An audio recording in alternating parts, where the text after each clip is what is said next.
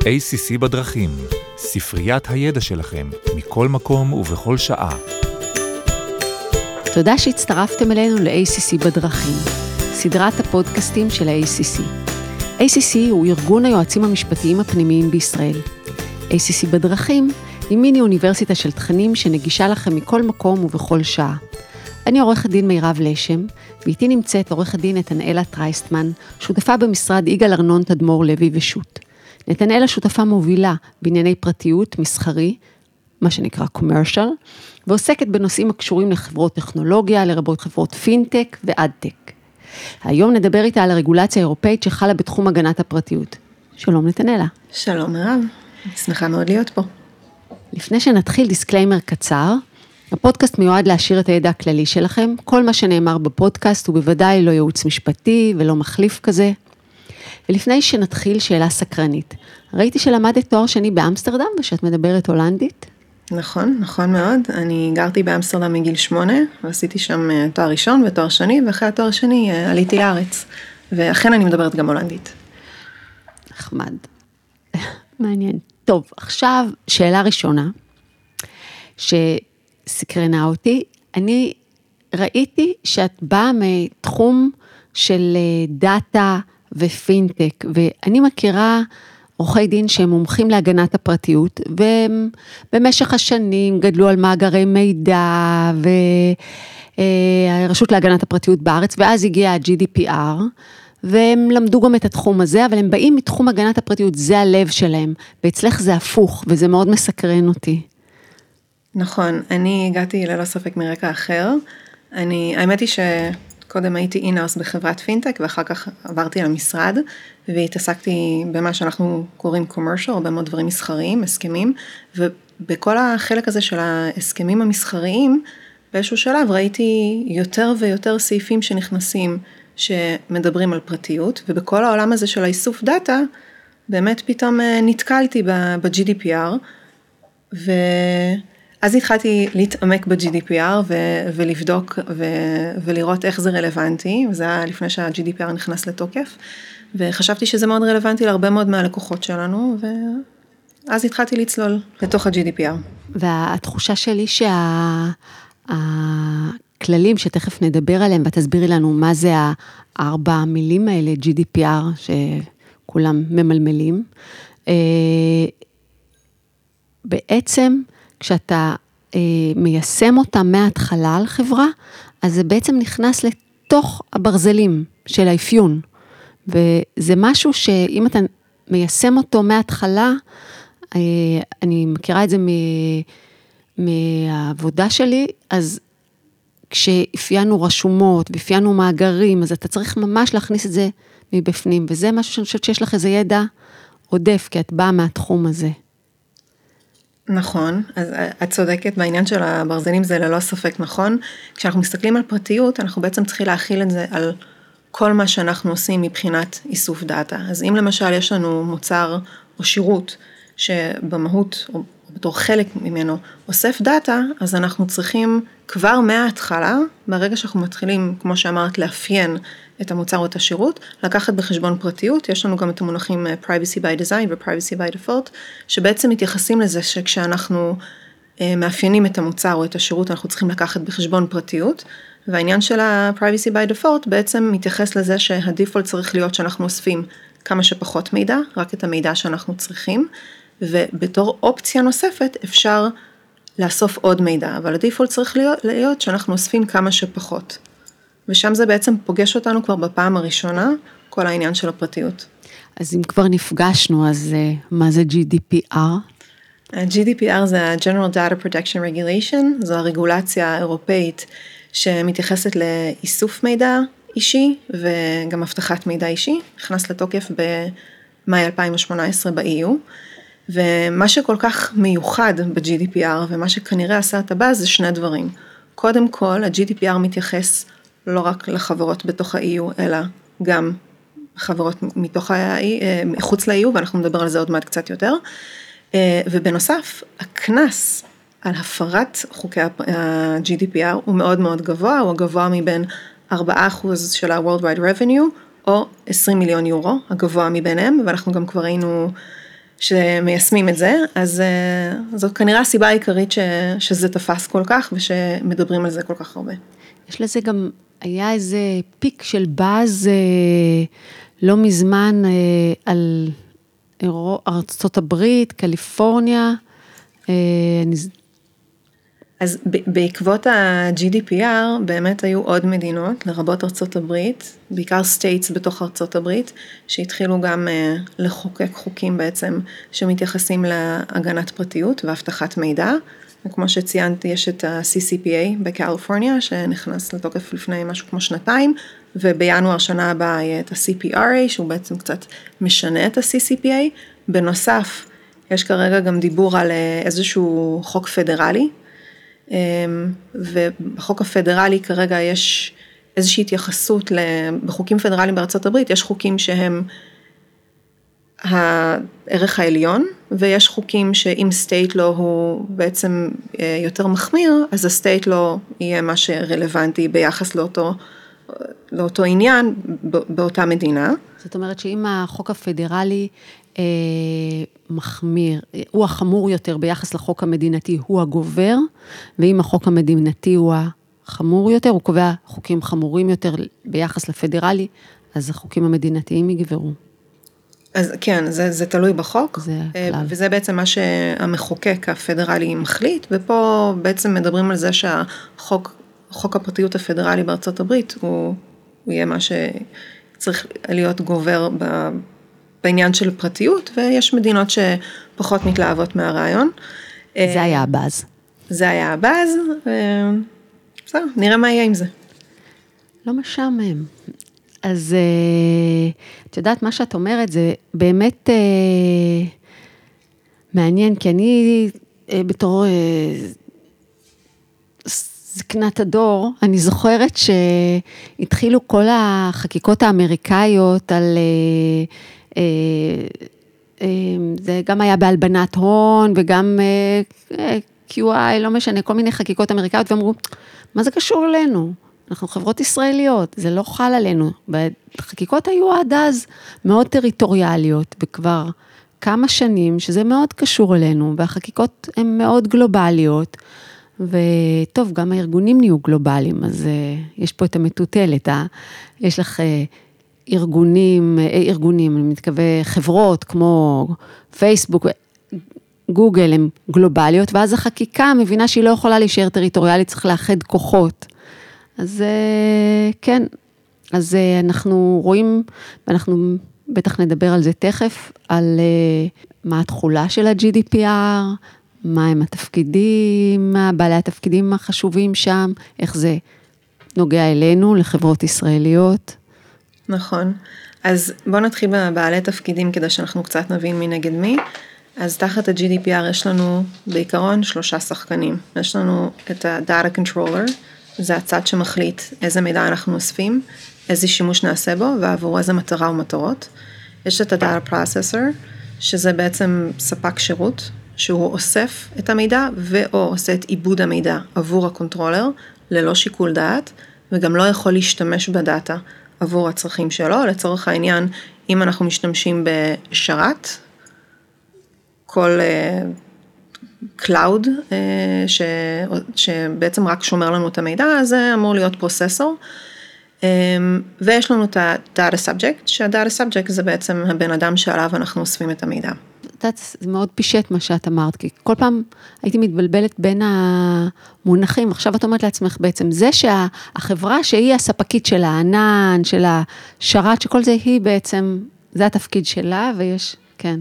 אז אנחנו עכשיו קצת מפשטים באמת, כאילו בפועל אנחנו רואים שזה לפעמים טיפה יותר מורכב, כי ה data controller, שזה בעצם מה שאמרנו, מי שמחליט איזה מידע אנחנו אוספים, יכול להיות למשל אפליקציה שעוזר לי לתכנן אה, טיול לצורך העניין, ומשתמש במידע שהוא אוסף עליי עבור הצרכים של לספק לי שירות, אבל גם בשביל לעשות analytics וכולי, אבל זה גם יכול להיות חברה שמוכרת אה, מוצרים, וכל ה database של הלקוחות, ככל שהם אה, מטרגטים גם ב-EU ויש גם מידע שהם אוספים מה-EU, גם, גם יכול להיות כפוף ל-GDPR, אה, אבל אנחנו רואים שבפועל זה לא תמיד כזה שחור לבן, כלומר יכול, יכולות להיות גם חברות שהן אמורות להיות data processor, אבל בפועל בעצם רוצות להשתמש גם במידע כדי גם לעשות analytics וגם לעשות benchmarks, ואז זה מתחיל להיות קצת יותר מעניין. אבל אני מניחה שזה כבר למתקדמים. זה, אז יש להם כמה כובעים, אבל, אבל נושא המידע הוא ה... זה בעל הזכות שלנו. כן.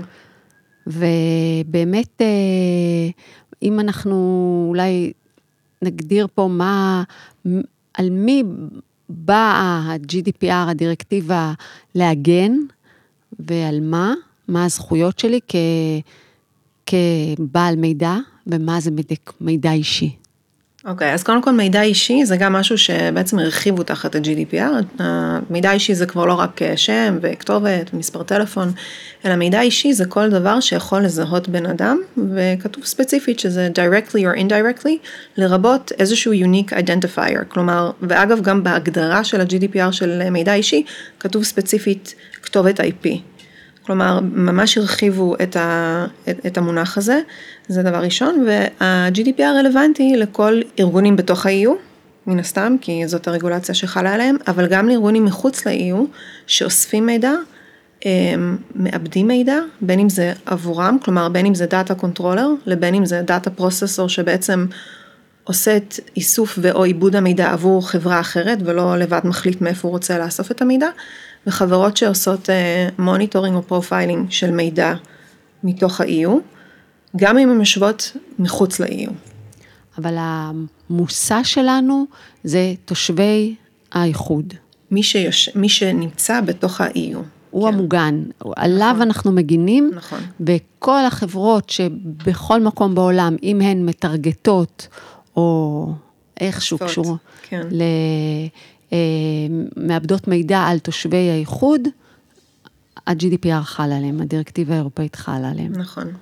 אה, ודיברת על מידע אישי, ואני זוכרת גם שפה ניסו לעשות איזו הצעת חוק על זה לא מזמן, והיו כאלה שכתבו כתבות בעיתון, כמה זה חשוב ומה הפערים, מה ה... מה הגאפ פה בין ההגדרה של מידע אישי המסורתי לפי חוק הגנת הפרטיות בארץ, לבין אה, הדירקטיבה? ההגדרה בארץ אמ, פחות רחבה כרגע, שזה גם הגיוני כי החוק הוא... מיושן. כן, אה, ללא ספק. אה, בארץ לצורך העניין כתוב באופן מאוד מאוד ברור כביכול מה אמור להיות מידע אישי, שזה מידע פיננסי ומידע רפואי וכולי. אה, אבל אנחנו כן רואים בזמן האחרון, גם בפסיקה וגם בכל מיני חוות דעת של הרשות, אה, שכן יש יותר ויותר התייחסות, זה התחיל בכתובת מייל גם מידע אישי וזה ממשיך. פעם היא לא הייתה, כתובת מייל לא הייתה. החוות דעת של אה, עורכי דין של הגנת הפרטיות אמרו, אם אתה עושה מאגר רק של כתובות מייל, אין בזה מידע אישי, זה לא כלכלי, זה לא כלום, לא נחשב. נכון. והיום זה אחרת. דרך אגב, שמתי לב שהרשות להגנת הפרטיות, אחד התחביבים שלה להרחיב את הסמכויות שלה, זה להוציא ניירות עמדה שהם לא ממש מה שכתוב בחוק, אבל זאת כבר העמדה שלהם. זה, ככה היא בעצם אה, מאפשרת את העדכון של החקיקה עד שהחקיקה תתעדכן. אז זהו, אם החקיקה גם תתעדכן, אז גם יהיו רשות, רשויות אה, אכיפה, שזה יכול מאוד לעזור. ואגב, אם החקיקה תתעדכן, אז החוק בארץ אמור להיות ממש דומה מאוד ל-GDPR, שזה יכול מאוד מאוד לעזור בהרבה מאוד מובנים, גם לחברות בארץ וגם לחברות מחו"ל שרוצות אה, לבוא לארץ ולפתוח פה מרכזי R&D וכולי.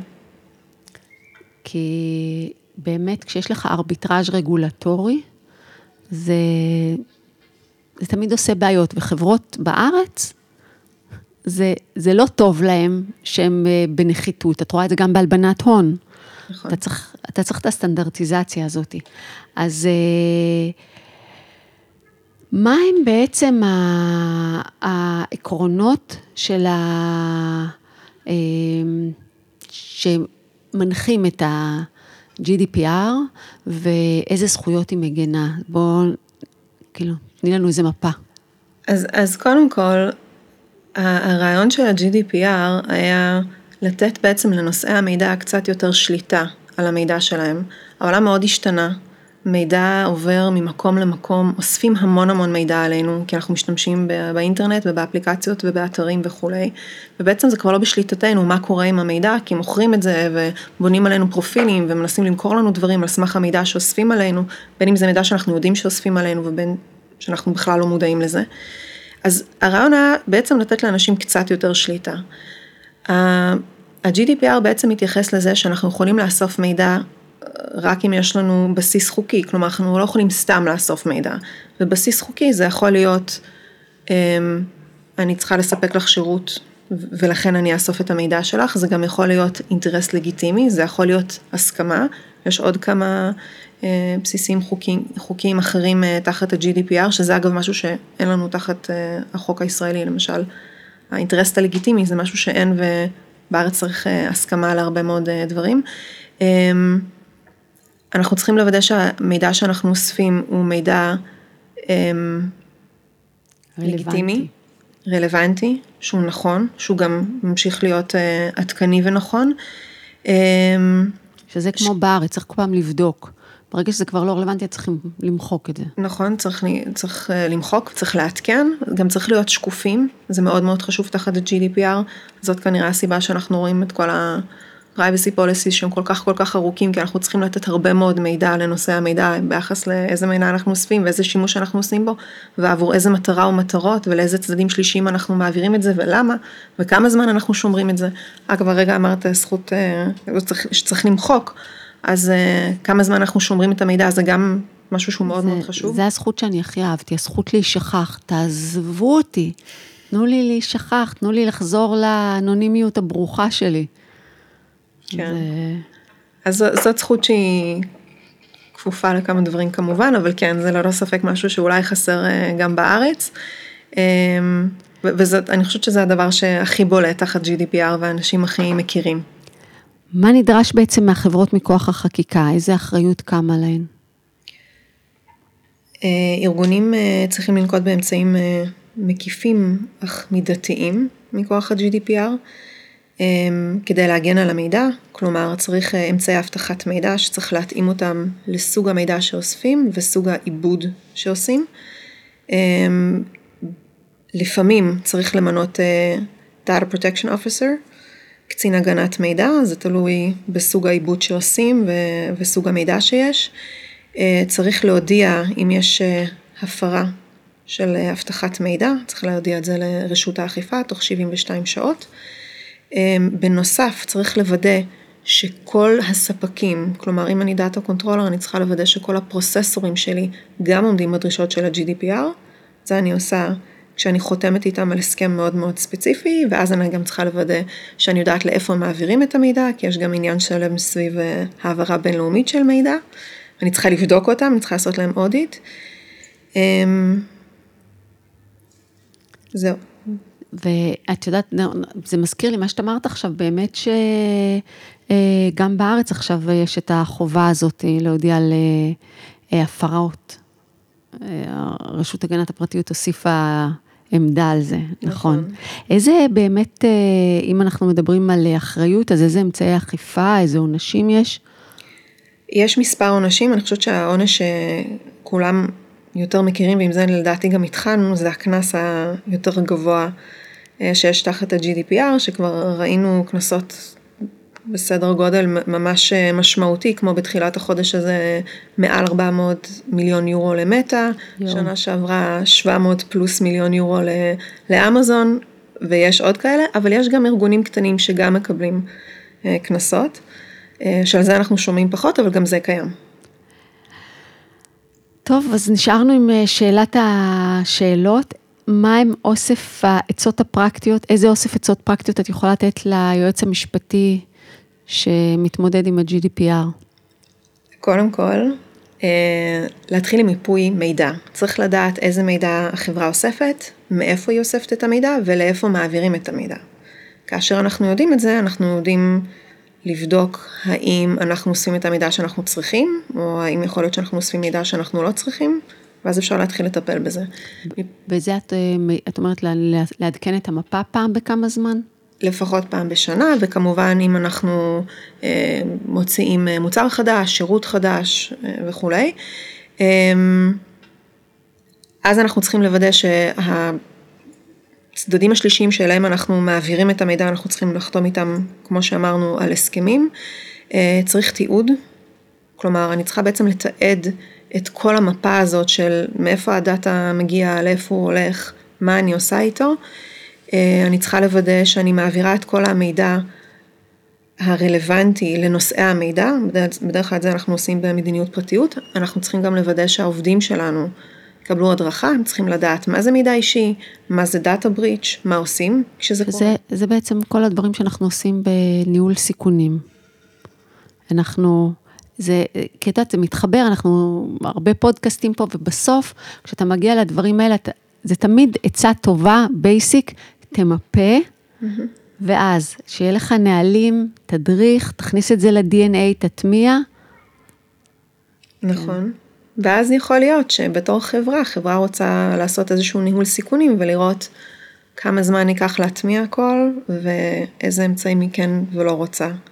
את יכולה להגיד בבית, אני, תגיד, אם הבת שלך תשאל אותך אה, מה את עושה, תגידי, אני מנהלת סיכונים. בגדול זאת העבודה, כן, נכון. ללא ספק. אז איזה עוד יש לך אה, עצות ככה לפני אה, סיום?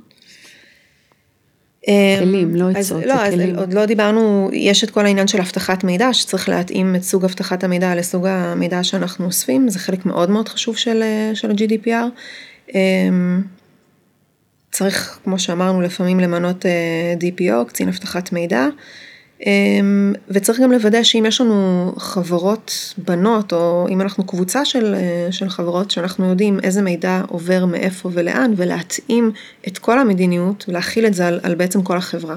ולשמור כל מידע בחברה שלה, ולא לעשות איזה מאגר גלובלי. נכון. אלא אם כן זה מוצדק. אה, וגם יש משהו ייחודי, שאתה לפעמים ממנה את האיש הזה שהוא מהייחוד עצמו. נכון, איזה נכון, לוקל.